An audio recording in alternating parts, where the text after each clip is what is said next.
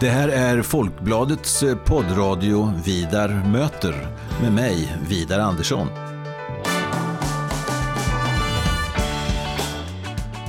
Jag är eh, chefredaktör på Folkbladet och jag är också ansvarig för Folkbladets ledarsida som eh, skrivs utifrån en oberoende socialdemokratisk hållning.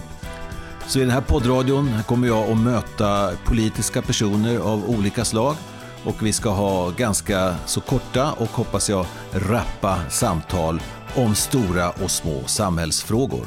Varmt välkommen till Vidar möter.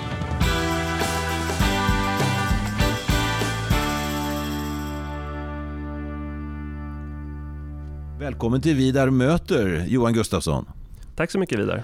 Du är regionchef på Svensk Näringsliv i Östergötland. Ja, det stämmer bra. Mm. Och vi sitter på långa avstånd från varandra. Ja, i, coronasäkert. Ja, i, Lin, i Näringslivets hus i Linköping. Ja, Här är i stort sett bara du och jag. Ja. ja. Många arbetar hemma. Ja, de flesta gör det nu faktiskt på grund av det rådande läget. Mm. Och i många verksamheter och branscher så går det ju bra att arbeta hemma. Ja, medan andra måste vara på jobbet. Ja. Och bakgrunden till um, att vi ses här är ju framförallt de nya restriktionerna. Precis. Eh, som, eh, som kom förra veckan och som speciellt gäller i Östergötland och Västra Götaland och Stockholm. Precis, och jag måste säga att jag var lite skeptisk till om jag skulle göra det här överhuvudtaget med tanke på de nya restriktionerna. Men det känns viktigt för mig att berätta om hur företagen eh, drabbas av det här och också att påminna folk om att, att följa de riktlinjer som vi får ifrån myndigheterna. Mm. Uh, lite kort, vilka branscher i Östergötland, vilka företag, vilka branscher är det som drabbas hårdast av, eh, av corona nu och av de nya skärpta restriktionerna? Ja, det är många företag som har drabbats. Och corona har slagit ganska asymmetriskt mot ekonomin. Eh, besöksnäringen är ju väldigt hårt drabbad generellt, även om sommaren var betydligt bättre än vad många hade räknat med i våras. Men även i tillverkningsindustrin så är det ganska många företag som, som har fått permittera och som har fått till minskad omsättning. Eh, men nu med, med de senaste restriktionerna så har ju det slagit väldigt tufft mot just besöksindustrin som redan var ganska pressad i första läget. Mm. Och i princip så det man får höra när man pratar med, med företagen i besöksnäringen, hotell och restauranger, så är det att det känns som att vi är tillbaka i mars. Eh, mm. Vi har visserligen konceptet, vi har produkten klar, vi vet hur vi ska anpassa verksamheten till det rådande läget. Men det känns ändå tufft för många att vara tillbaks i, i den liksom hopplöshet som rådde i mars. Mm. Ja, nu uppmanas ju människor att inte gå i affärer. Att ja. inte gå i gallerier till exempel. Och bara umgås med familjen. Ja. Det är ett hårt slag för, för eh, all verksamhet som bygger på att människor kommer dit. Ja, att kunderna kommer dit. Ja. Och mycket av den här verksamheten går inte att lagerhålla heller på samma sätt mm. som, som i tillverkningsindustrin. Där kan du ju tillverka din produkt och lägga den på lager och sälja den senare. Men i många branscher så går ju inte det. Mm. Nej, om man lever ur hand i mun kan jag tänka mig många, många småföretagare. Och så ja. Besök, eh, småaffärer, eh, även de stora kedjorna, franchisetagare så som har, eh, det bygger på att det kommer in. Ja, verkligen. Och nu finns det också en osäkerhet i vad händer när, när de stöd som finns löper ut vid årsskiftet. Mm. Och årsskiftet är ju väldigt nära. Det är väldigt nära. Ja. Vad jag får höra det är i princip att om, om vi inte får klara besked inom någon vecka så kommer mm. vi börja behöva varsla. Ja. Så det är ju väldigt tufft. För mm. många har dragit sig för att göra det även fast det har varit en svår situation. Mm. Eh, och delvis beror ju det här på, på permitteringarna. Mm. För eh, det får man ju säga att det offentliga var ju snabba på att svara upp mot de problem som det här har skapat för näringslivet. Mm. Eh, och det har ju varit hjälpsamt. Även om vissa stöd har varit svåra att utnyttja och så vidare så har det ändå betytt mycket för mm. näringslivet mm. och för de som har drabbats. Eh, men nu med tanke på hur situationen ser ut så gäller det att man, att man fortsätter, att man förlänger de här stöden. Mm. Är, det, är det relevanta restriktioner? Jag menar, vad tycker du? Kan man ställa, jag menar, man insatserna här nu är ju framförallt för att eh, sjukvården ska, ska klara sig så att folk ska få vård, de som blir allvarligt sjuka. Helt rimligt naturligtvis. Ja. Men om priset för det är att hundratusentals människor blir arbetslösa och förlorar sina inkomster. Ja. Och det där är ju en intressant invändning. Jag måste säga att jag tycker att det var bra att det här beskedet kom nu. Det var i rätt tid, innan det är för sent. Eh, det kommer förhoppningsvis leda till att färre människor dör, färre hamnar på sjukhus, det blir lättare för sjukvården, men också att vi behöver ha de här restriktionerna under en kortare period än vad vi annars skulle haft om bara alla följer dem. Mm. Därför att då kan vi knäcka den här nya vågen av covid som, som kommer nu. Mm. Men samtidigt så måste man ju vara på det klara med att det går att bo på hotell på ett coronasäkert sätt. Mm. Det går att, att, att, besöka affären på ett coronasäkert sätt. Men, men det är svårt för myndigheterna att ha de restriktionerna därför att problemet har ju varit att, att det har varit svårt för människor att, att följa de restriktionerna som finns. Mm. Alltså att, att hålla avstånd. Mm. Det är svårt, det blir jobbigt. Eh, och man faller tillbaka i de vanliga beteendena som vi människor har. Liksom. Man är nära andra människor. Mm. Um, och, och, därför så tror jag att det är viktigt att de rekommendationerna som vi har nu följs. Och mm. att, och, men också att de ser ut som de gör. Man kan inte säga bo på hotell men gör det på ett säkert sätt. Mm. Därför att då kommer ingen lyssna. Mm. Nej, som jag känner att um, det finns ju här en, uh, en en konflikt kanske i eh, den offentliga debatten. Det finns de som säger att det ska vara oerhört mycket mer detaljerat och hårt och medan andra mer sluter upp så bakom den här eh, linjen där man får använda sitt eget omdöme också. Ja. Och jag får säga att jag är nog mer åt det mjuka hållet där. Att jag ger inte mycket för de här som säger att myndigheterna att det ska bara stängas och peka med hela handen och det ska lagstiftas eller Nej, jag är nog benägen att hålla med dig. Jag tycker det är viktigt att man tar eget ansvar. Eh, men det är också viktigt att myndigheterna berätta för människor att nu är det extra viktigt att ni tar eget ansvar. Mm, mm. Så tänker jag och det är den linjen vi har även nu, eh, ärligt talat. Umgås inte med andra än familjen om mm. ni inte måste, mm. ungefär. Ja, vad jag känner som lekman där, när man går in med sådana här restriktioner, rekommendationer, råd, ja. anvisningar. Att en sak som det allmänna fallerar på som vore oerhört bra för näringslivet ifall det offentliga var bättre på. Jag tänker den här smittspårningen. Det måste ju vara helt vitalt. Liksom, var utbryter smittan? Ja. Tänk om det inte alls är affärerna? Nej. Nej. Tänk om det inte alls är affärerna? Och så ska man eh, tvinga massa affärsidkare och företag i konkurs av helt fel orsaker. Tänk om det är så. Så tänker jag ibland. Ja. I och med att vi har så dålig smittspårning. Ja. Jag menar, är affärerna, då är det ju, jag menar, okej, då, får vi, då, då får vi ta den smällen och försöka hjälpa dem så mycket som det går. Men då kan man ju inte hålla på så. Men om det inte är affärerna? Jag håller med, det skulle vara bra om man kunde smittspåra mer, men jag, jag har svårt att sätta mig in i hur mycket resurser det kräver. Mm. Så. Eh, och jag tror att det finns en risk att man lite till mans inte vill inse att det är corona man, man har, om man har det. Jag tycker man ofta har hört, jag är bara lite förkyld, mm. men det är inte corona. Mm. Nej men hur vet du det? Har du testat det? Mm. Nej, inte än. Nej, Nej okej, men då vet du ju inte liksom. Nej. Nej, det är jättemärkligt och nu är det ju ganska lättillgängligt. Eh, både i det offentliga, jag vet inte, det är någon viss avgift här i Östergötland, i Stockholm är det helt gratis, mm. det är lite olika regionerna. Ja. Och, eh, och sen ute på marknaden har ju priset eh, sjunkit eh, dramatiskt för sådana här antikroppstester. Ja. ja. Så det kan man ju göra. Nu såg jag priset här, 295 kronor. På en, en av de här apoteken, man får svar på en kvart och då vet ja. man om man har haft det i varje fall. Ja. Och hur ens läge är sen. Det är ganska bra att göra sådana tester tror jag. Ja, eller hur? Mm. Ja. Nej, jag håller med. Ja. Jag, jag gjorde en sån test 4 juni. Mm. mm. Här i, på en parkeringsplats i Norrköping. Ja. Ja, och då hade jag antikroppar. Ja, okay. ja, en, eh, nu gjorde jag en test den 30 oktober ja. på ett apotek. Ja. Då hade jag inga antikroppar. Asså. Nej. Så det är lite lurigt det här viruset. Ja. Alltså man bör uppträda skygg som en hind, det tror jag oavsett. Ja men verkligen. Ja. Jag gjorde också ett sånt test i somras men jag har inte gjort något nytt nu. Det kanske man skulle passa på att göra då? Ja, ja visst priserna är på väg ner. Ja, exakt. Ja. Och ju fler som testar sig, desto billigare blir det. Ja, ja visst. Och det där är ju ett enkelt, och det rapporteras ju in då också till Folkhälsomyndigheten, så ja. det byggs upp mer statistik. Precis, och precis. och det där är också till nytta för sjukvården och för myndigheterna. Ja, absolut. När, när det blir tillräckligt många. Ja, som, eh, precis. precis. Men du, åter till, eh, eh, till näringslivet. Jag tänker de här lokala ja. restriktionerna nu. Ja. Det är ju en sak, men det, det kan väl vara så, i, i varje fall för den stora delen av eh, de här näringarna som bygger på besök eller handel utifrån, ja. Europa och resten av världen. Ja. Alltså, om det består mer eller mindre still i Tyskland, i delar av Spanien och i delar av Italien och, och så.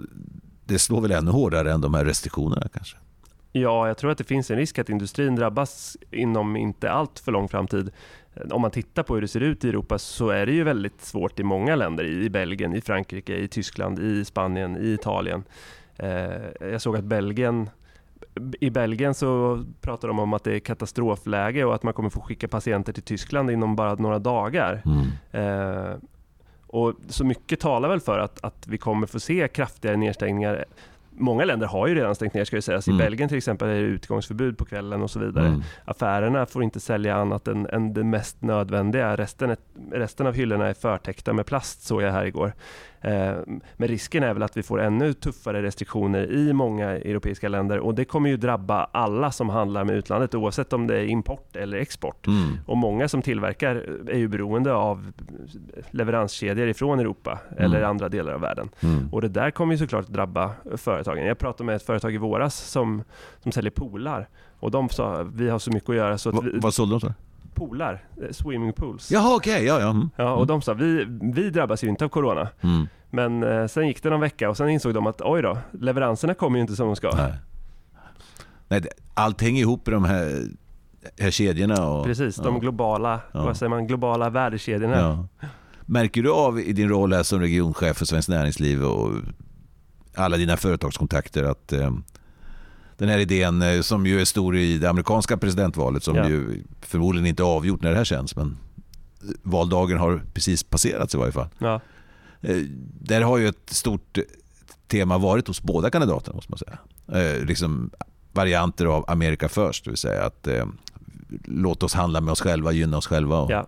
Märker du sådana tendenser i östgötska näringslivet? Jag skulle säga att Sverige har ju varit ett av de mest frihandelsvänliga länderna i världen, men jag tycker man ser tendenser om att Sverige vänder sig inåt också. Eh, och både på nationell nivå men framförallt kanske lokalt. Mm. Eh, och, och, delvis beror det väl på någon slags hållbarhetstanke om att vi ska handla lokalt. Man vill stödja det lokala näringslivet. Eh, men också när man tittar på debatten kring frihandelsavtal i Europaparlamentet så är det väldigt mycket så här, vi behöver ha in tuffare krav på hållbarhet och sociala villkor. Mm. Men jag tror man måste inse där att eh, Sri Lanka är inte Norge. Liksom. Vi kan inte ställa samma krav på länder i andra delar av världen som vi ställer på våra grannländer. Mm. Eh, och handeln är oerhört viktig både för oss men framförallt kanske för de fattigare länder i andra delar av världen mm. eh, som med, med, hjälp av handel kan lyfta sig ur fattigdom. Liksom. Mm. Men åh, tillbaka till, nu blev det en lång utläggning här, men tillbaka till Östergötland. Jag tycker verkligen att man, att man hör att vi måste köpa mer lokalt. Vi måste bara upphandla varor från, härifrån Mjölby. Mm. Men jag menar, tänk om Motala och Boxholm säger samma sak. Mm. Vi ska bara köpa från Boxholm. Ja, men då drabbas ju företagen i Mjölby. Så det där tycker jag är en retorik som alla förlorar på. Mm. Det är bättre att, att man handlar med de som är bäst. Ja, eller hur? Det är väl en eh, rimlig princip som det kan finnas anledning, eh, tycker jag, att eh, bry sig lite extra om så här, i, i de här tiderna. Alltså, Verkligen. Inte bara amerikanernas val, vi har ju Brexit var väl också ett utfall av samma sak. Britain first kan man säga. Eller, det ska inte komma några europeer från mainland Europe och bestämma hur det ska se ut här hos oss. Nej, Nej. precis. Verkligen. Och det det, någonstans så bottnar väl det här i någon slags rädsla för det okända tror jag. Mm, mm. Eh, och en, en tanke om att Sverige, världen och det lilla lokalsamhälle där man bor är på väg åt fel håll. Mm. Eh, sen tror jag att det är en felaktig analys och jag tror att vi går framåt och det blir bättre hela tiden. Mm. Eh, men jag tror att det är många som känner att det blir inte bättre. Nej, upplevelsen av det, om man tar SOM-institutet vid Göteborgs universitet som ja.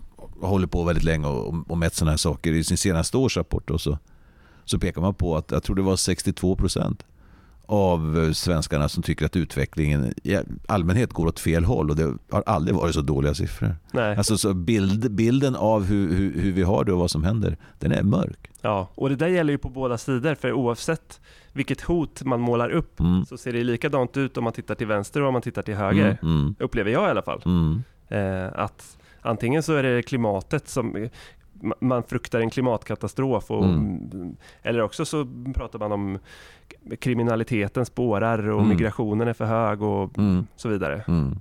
Så oavsett vilket läge man är i så mm. är, är, det mycket katastrofscenario just nu. Ja precis och så ovanpå detta en pandemi. Ja. Jag menar som eh, dels eh, har tagit många människoliv i Sverige och i världen.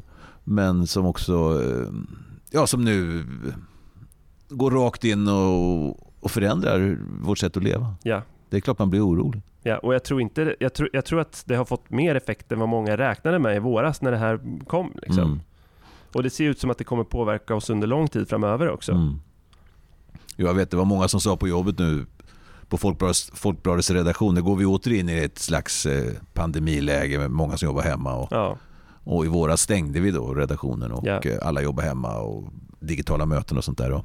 Och då sa ju folk så här, "Åh, gud vad skönt att vi går mot vår och sommar i alla fall. Tänk Ja. om det har varit november. Ja. Och nu är det november och nu börjar vi om. Alltså det, det tar på psyket. ja, det gör det. Och jag tror att det är jobbigare den här gången. Ja. Både för att man redan har upplevt det här en gång, men också för att nu, om man ser, förra gången började i mars, nu börjar i november, det är ett Mm. halvår extra. Mm, ja visst.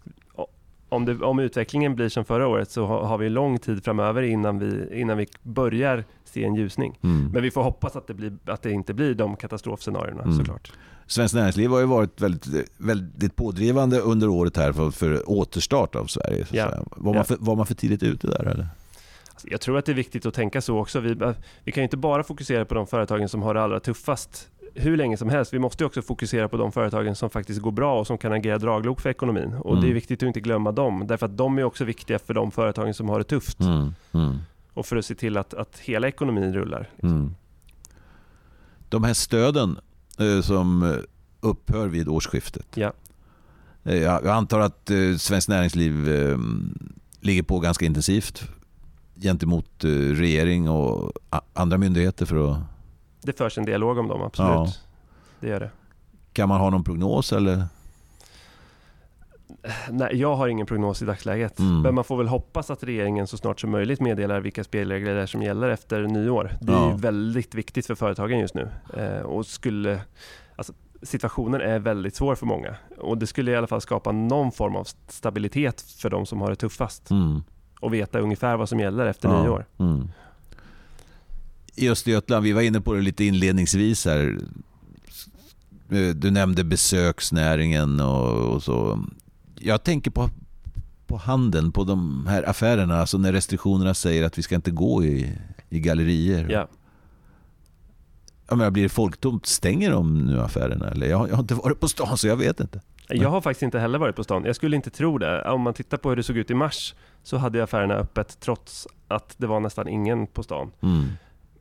Jag tror att det är svårare att få folk att stanna hemma nu än vad det var i mars. Mm. Eh, tyvärr. Mm. Ändå de här restriktionerna specif- specifikt då för Östergötland, de Ja. gäller ju i första hand fram till 19 november. Precis. Ja. Precis. Och då om de inte ska förlängas eller bli ännu värre eh, för vanligt folk och för näringslivet så... Så gäller det ju att vi följer restriktionerna. Precis. Ja, det gäller väl att det syns någonstans i någon siffra då, att det inte fortsätter öka in till sjukhuset? Eller? Exakt. Ja. Exakt.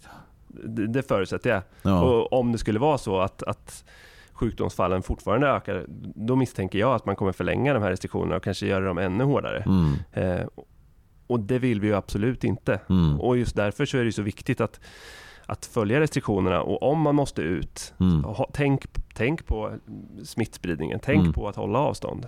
Mm. För det går ju faktiskt att gå i gallerierna utan att riskera att bli smittad. Ja, eller hur? Ja.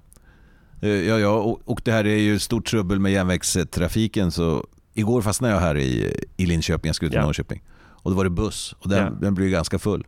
Men det går ju, jag menar, jag har alltid med munskydd, hänger man på sig ett munskydd. Och, Mm. men det är klart, de som, människor som måste åka med kollektivtrafiken varenda dag, det är ju inte lätt. Nej, det är inte lätt. Det går, det går jag menar, en, en, en del av de här eh, bussarna och andra, det är väldigt mycket folk. Ja, och där har ju transportörerna ett stort ansvar Mm. och, och framförallt regionen skulle jag säga, Mm. som ju står för många av de transporterna. Ja, de har ju svårt, de har inte mer spårvagnar och tåg. Nej, Alla körs. ja. Och sätter man in fler bussar så blir det bara oreda. Alltså det är ju svårt, svår logistik det där också. ja, det är det. Och, Ja. och människor måste ju till jobbet. Ja, eller hur? Ja, jag sitter alltså här i Näringslivets hus i Linköping och pratar med regionchef Johan Gustafsson på Svenskt Näringsliv. Och Svenskt Näringsliv det är ju flera olika vad kan man säga, avdelningar eller sektioner. Jag tänker Al- Almega är väl speciellt då för tjänstesektorn? Ja, precis. Svenskt Näringsliv är ju en arbetsgivarorganisation som Mm. har f- 50 medlemsorganisationer Mm. eh, och 60 000 medlemsföretag. Och Almega är ju ett av de här 50 medlemsorganisationerna. Mm. Och eh, din uppgift här är liksom att, hålla ihop hela svenskt, svenskt näringsliv i Östergötland, alla dessa eh, Ja, ja, vi har ju ett, kan vi vara, 5-10 branschförbund som sitter här i, i huset. Mm. Och att hålla ihop det och att eh, framförallt att, att företräda det samlade näringslivet mm. mot, mot myndigheter och andra offentliga organisationer. Mm. Um, för det är ju så att Almega pratar ju för tjänsteföretagen i första mm. hand. Och som är väldigt utsatta nu, är de inte det? Jo, absolut, verkligen. Ja. verkligen absolut. Men våra branschorganisationer pratar ju i första hand för sin egen bransch medan mm. Svenskt Näringsliv pratar för hela, hela det samlade näringslivet mm. och försöker ta hela näringslivets röst mm. så att säga. Även, även det näringsliv som inte finns faktiskt. Mm. Vilket näringsliv? det som, eh, alltså nyföretagande då, eller ja, det man hoppas på? Eller? Branscher som man tänker kommer i framtiden. Alltså okay. att, att, att se till att företagsklimatet i, i allmänhet är så bra som möjligt. Mm. Så, så, att man inte kväver företag som skulle kunna växa fram annars till exempel. Det kan mm. handla om ja, delningsekonomin till exempel, vilka nya tjänster kan komma där. Mm. Så. Och mitt i alltihop i det här då så har då Svenskt Näringsliv som är arbetsgivarorganisationen förhandlat fram ett, ett nytt avtal ja. med PTK, Privattjänstemannakartellen, en eh, huvudorganisation för privatanställda tjänstemän. Ja. Och eh, som eh, TCO och Saco har anslutit sig till och det finns stor uppslutning. Alltså det är den här heta omdiskuterade frågan om lagen om anställningsskydd. Ja. Och, eh, och nu ser det ut som det, det kommer att bli underlag för en ny lag. Ja, det är ju bra att, att regeringen tittar på, på det avtalet. Ja. Och dessutom ovanpå detta då, en lönerörelse har dragit igång. Vi har fått Stämmer. det första, industrin har satt märket. Stämmer. 5,4 procent på 29 månader. Mm. Och dessutom vissa låglönesatsningar och så vidare. Och, de reaktioner jag såg från Svenskt Näringsliv centralt, det var bekymrat. Alltså apropå nivån. Det är ju ett, det är ett högt avtal. Mm. Eh, jag förstår att facket är nöjda. Ja. Eh, men vi är glada åtminstone att, att det blir ett långt avtal. Det, ja. det, är nog viktigt nu med stabiliteten. Även om det här kommer ju bli väldigt tufft för många företag. Mm. Framförallt de som inte går så bra. Mm. Så det finns ju en risk att det blir utslagningar på grund av det. Men ja. det får vi hoppas att det inte blir. Mm. Eh, jag, jag nämner de här sakerna, LAS och avtalsrörelser och bara för att erinra om att, liksom att verkligheten rullar på där. Så är det ju verkligen. Ja. Det händer väldigt mycket i höst som ja. inte är coronarelaterat. Ja, precis, men som ändå griper in i det på något ja. sätt. Och, och det är nog viktigt att inte låta allt styras av corona. Faktiskt. Ja, det tror jag också. Eller hur? Det tror jag också. För en dag finns det ett vaccin, en dag är det borta, en dag är det en del av av samhället och ungefär som Hongkong, influensa eller andra saker. Och, eh, ja. Precis, världen rullar på oavsett corona. Mm. Och det gör vi också. Stort tack Johan Gustafsson för att du vill vara med i Vidar möter. Tack själv.